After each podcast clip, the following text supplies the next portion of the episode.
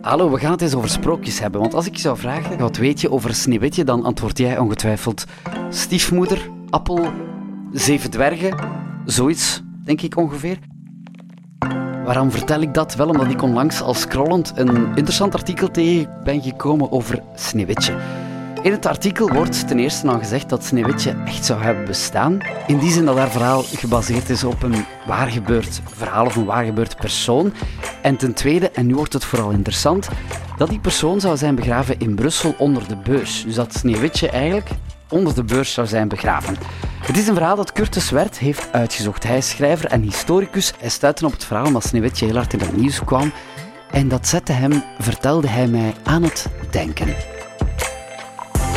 Sneeuwwitje is uh, aan een revival toe. Hè. Er gaan uh, de komende jaren wel wat uh, dingen rond Sneeuwwitje gebeuren. Dit jaar komt er een musical van Studio 100 en volgend jaar komt er een live-action film uit, mm -hmm. die Disney gaat maken. En daar was wat controverse rond, want de actrice die de hoofdrol gaat spelen, Rachel Zegler, mm -hmm. die ook al bekend was van West Side Story, um, daar was wat controverse rond omdat ze een zogezegd blank personage zou spelen en dat ze zelf Latijns-Amerikaanse roots had. En ik was op een artikel gestoten daarover, over die controversen. En ik dacht van, ja, het is een interessant verhaal. Ik ga eens kijken waar die roots, uh, hoe dat, dat hele verhaal van Sneeuwwitje, wat dat ja. daar eigenlijk uh, achter zit. En het is zo dat ik een aantal ja, verhalen ben tegengekomen, een aantal theorieën over de historische figuur waarop Sneeuwwitje eigenlijk het sprookje gebaseerd is. Ja. En één daarvan had dus met Brussel te maken. Het was ook de, de piste die het verst onderzocht al is, hè, toch? Ja, er zijn een aantal mensen, u hebt dat voor alle sprookjes, hè, dat er uh, nagekeken wordt van uh, ja, wat zijn de historische bronnen, van waar worden die verhalen, van waar komen die vandaan. Dat is op een bepaald moment ook uh, is dat heel, heel populair geweest om die dingen ja. uit te zoeken.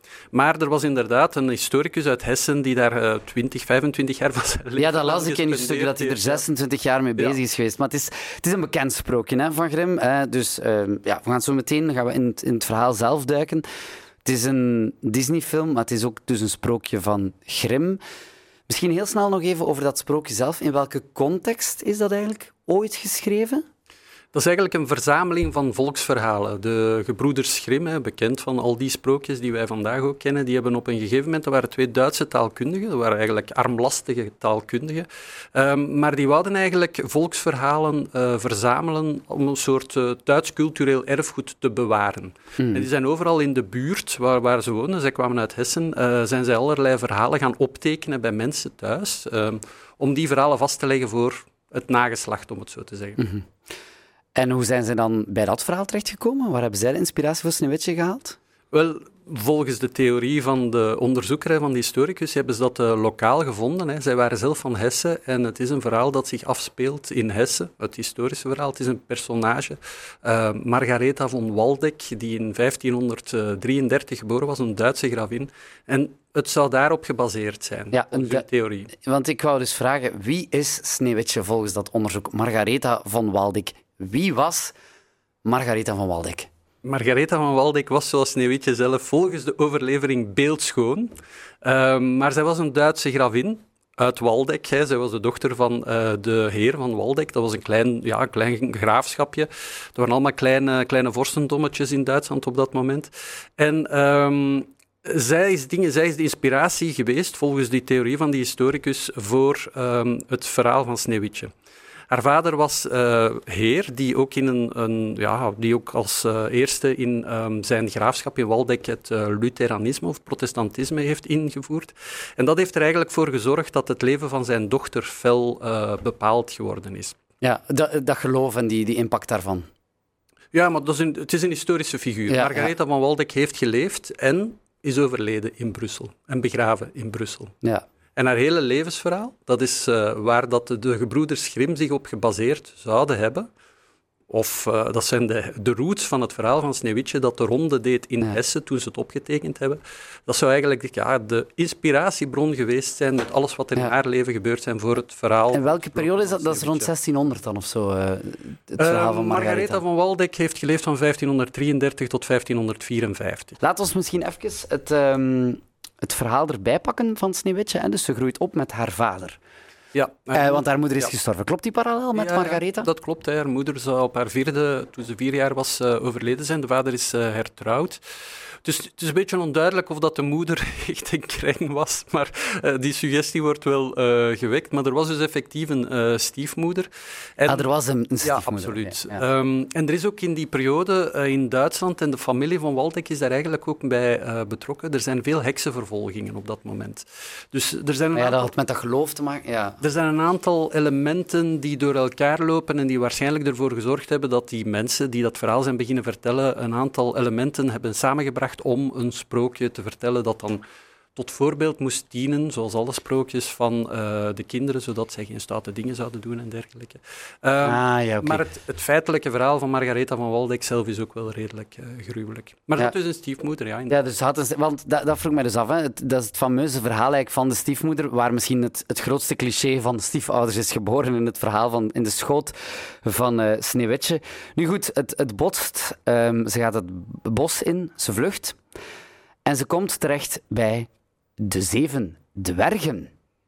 Dat, bestond uit, enfin, dat bestaat uiteraard niet echt, de dwergen zoals ze ja, eh, afgebeeld daar... worden. Nee. Ja, want wat, wat, hoe zit dat in dat verhaal, dat van die zeven ja. dwergen? Wel, de vader van uh, Margaretha was uh, rijk, was uh, graaf, maar had ook mijnen. En dat is een streek waar zij woonde, in Waldeck, Wildungen. Um, dat was eigenlijk een mijnstreek. En um, daar werd, in die mijnen werd gewerkt door kinderen. Daar was kinderarbeid en dergelijke. Dus dwergen eigenlijk?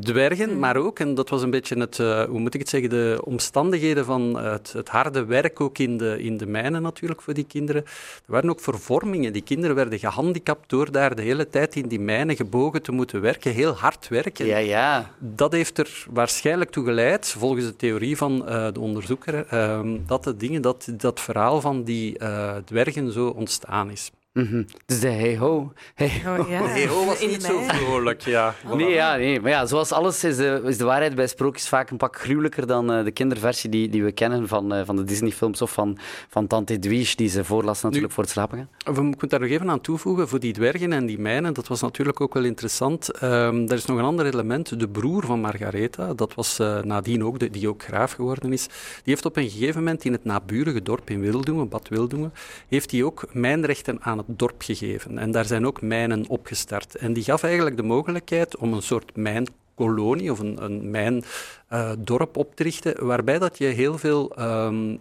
mijnwerkers had die samen in huisjes woonden met 10 à 20 ah. mensen samen. Maar en, voilà, dat zou ah. ook uh, in het sprookje dan verwerkt geraakt zijn.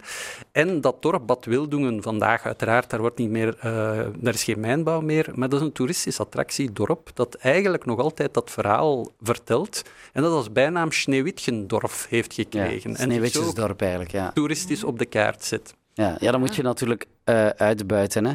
Wauw, dat is een beetje Daans ook. Beetje, ja. Erg Daans, ja, ja, absoluut. Nee, nee, oké. Okay. Dus uh, we gaan verder in het verhaal. Hè. Dus ze vlucht in het bos, ze komt terecht bij de dwergen, bij de misvormde kinderen uit de mijnenarbeid. Dus nu, die stiefmoeder die wil haar dood hebben, in het Sneeuwwitje-verhaal ook, omdat ze veel te mooi was. En ze kijkt in de spiegel en ze zegt, wie is de mooiste van het land? Die spiegel zegt, dat ben jij niet, dat is Sneeuwwitje. Dus ze denkt, ja, die Sneeuwwitje moet weg, zodat ik de mooiste van het land kan zijn. Hoe zit dat dan? Ja, dat is natuurlijk een beetje een vervorming van het verhaal. Er is ook nog een, een naburige dorp waar dat ook zoiets zou gebeurd zijn met een, uh, met een spiegel die een rol speelde als huwelijksgeschenk en dergelijke. Uh, dat is ook een beetje verwerkt in de theorie van uh, de man die het allemaal uitgezocht heeft. Maar het is wel zo dat Margaretha van Waldeck op een gegeven moment ehm, naar Brussel wordt gestuurd. Ze wordt weggestuurd door haar vader. En dat had eigenlijk te maken met het feit dat de vader dus protestants, lutheraans was en ehm, samen met zijn, zijn baas de grote baas, zijn leenheer, hè, Philips van Hesse, in oorlog was met Karel V. Op een gegeven moment, 1546, 1547, zijn er, uh, ja, is er een soort religieuze veldslag, of een aantal religieuze veldslagen, tussen Karel V en wat heet het Schmalkaldische Verbond. En dat waren allemaal Duitse graven en dergelijke. Geen idee. Die, ja. tegen, die als Lutheranen tegen de katholieke uh, Karel V optrokken. Maar Karel V won nam de leenheer van de vader van Margaretha in gevangenschap.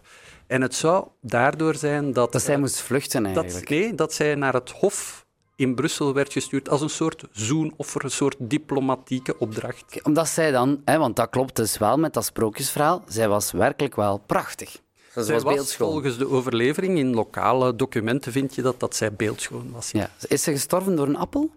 Nee, maar blijkbaar, en dat is natuurlijk wat er zich hier aan het Hof afspeelt. Hè. Zij wordt naar Brussel gestuurd, naar het Hof van Maria van Hongarije, de zus van Karel V. En eh, ze is zo beeldschoon, daar lopen allemaal bronstige edelmannen rond, eh, baronnen en dergelijke, maar ook prinsen. En er zijn een aantal mensen die wel een oogje op haar hebben. En een aantal heel bekende mensen blijkbaar. Hè. Daar zit onder meer de graaf van Egmond bij, die wij kennen. Hè, want de graaf van Egmond, dat is de man die op Van het Egmondpaleis. ja, maar dat is ook de man van Egmond en Hoorne die onthoofd werd op de Grote Markt in Brussel.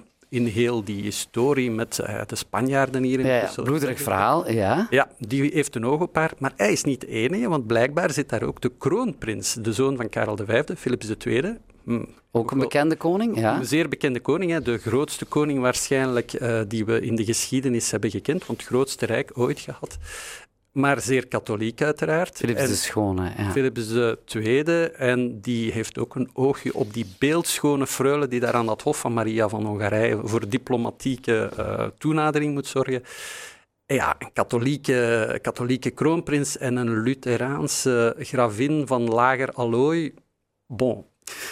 Er is dan op een gegeven moment, en dat zie je ook in de papieren documenten en zo, die lokaal eh, verspreid zijn in Hessen, eh, heeft men eigenlijk gezegd van kijk, ehm, de kans, ze is vroeg gestorven op haar 21ste, normaal gezien dat een goede gezondheid, maar ze vermoeden dat ze ja, dat is een vreselijk geweest verhaal, want ze is op haar twintigste al overleden. Ja, en ze begon eigenlijk redelijk snel nadat ze aan het Hof in Brussel terechtkwam eh, en nadat ze in toog van die twee ja, adellijke eh, mannen rondliep, begon ze eigenlijk haar, haar gezondheid begon sterk achteruit te gaan. Zoals bij de appel eigenlijk. Zoals bij de appel. Ja. En men vermoedt dat ze op dat moment eigenlijk vergiftigd geworden is met arsenicum en dat ze op haar 21ste dan gestorven is. Ja. Maar er is geen prins meer die haar wakker heeft gekust, zoals in het Nee. Sneeuwwitje-verhaal. En Philips II was ook niet zo'n mooie man, dat was een Habsburger, hè. die had het typische Ja, ja, Habsburgse kind. de grote kind, Dus het was maar- ja, geen mooi verhaal, inderdaad. Nee. En eh, waar, ligt, waar is ze uiteindelijk begraven? Wel, ze is begraven in het, de crypte van het Franciscanerklooster, dat zich op dat moment in het centrum van Brussel bevond. Ehm, dat, is een klooster, dat was een Franciscanerklooster op dat moment, dat was als een andere orde eh, begonnen. Het klooster is afgebroken en men heeft dan daar later op die plek eigenlijk eh, de beurs gebouwd. Ah, zoals we de beurs kennen van het. Beer World Ja, Museum en van tegenwoordig natuurlijk. Maar is er een graf daar nog? Kunnen we dat nog gaan vermoed dat haar bezichtigen? graf niet meer, want het was een gigantisch klooster in het centrum van Brussel. Eh, wat je wel nog kan bezichtigen is die, zijn de, de ruïnes of de catacomben die naast de beurs liggen. Het Bruxella eh, 1238 museum. Eh, dat gaat binnenkort terug open. Hè. Dat is ook een beetje gerenoveerd naar aanleiding van eh, de renovatie van het beursgebouw. En dan kan je effectief afdalen in wat er overblijft van dat gigantische klooster. Waar Margaretha van Waldeck dus eh, begraven zou liggen. En ehm. daar ligt ze effectief. Ah ja, ja. Ja. Da- daar ligt ze we wel. weten- maar ja, we, we weten weten niet waar, ja, omdat er waar. zoveel mensen... Ja, maar ja, maar dus daar, we weten dat ze daar begraven op wiens leven dus Sneeuwwitje het sprookje dus zou zijn gebaseerd. Ja, dankjewel om het verhaal nog even eh, uit de doeken te doen. Een heerlijk verhaal. Ehm, laat ons hopen dat veel Brusselaars dat nu horen en dat we eh, er ook een soort van eh, toeristische attractie van kunnen maken. Hè. Ja, ik denk dat je met- mogelijk nog toeristische Met die attractie. film dat je die Amerikanen en die eh, dingen naar hier moet lokken en zeggen dit is de echte, echte begraafplaats van de echte Sneeuwwitje. Ik denk dat we dat moeten doen. Ik denk dat Brussel dat aan zichzelf eh, moet eh, cadeau doen, die gigantische toeristische attractie Ah, ja. dat dat gaat worden. Curtis Vert, dankjewel. Dank u wel. Dit was trouwens een podcast van Brus. Hopelijk vond je het leuk. Al onze andere podcasts ga je checken via brus.be slash podcast. En oh ja, ze leefde ah, min of meer nog lang en gelukkig.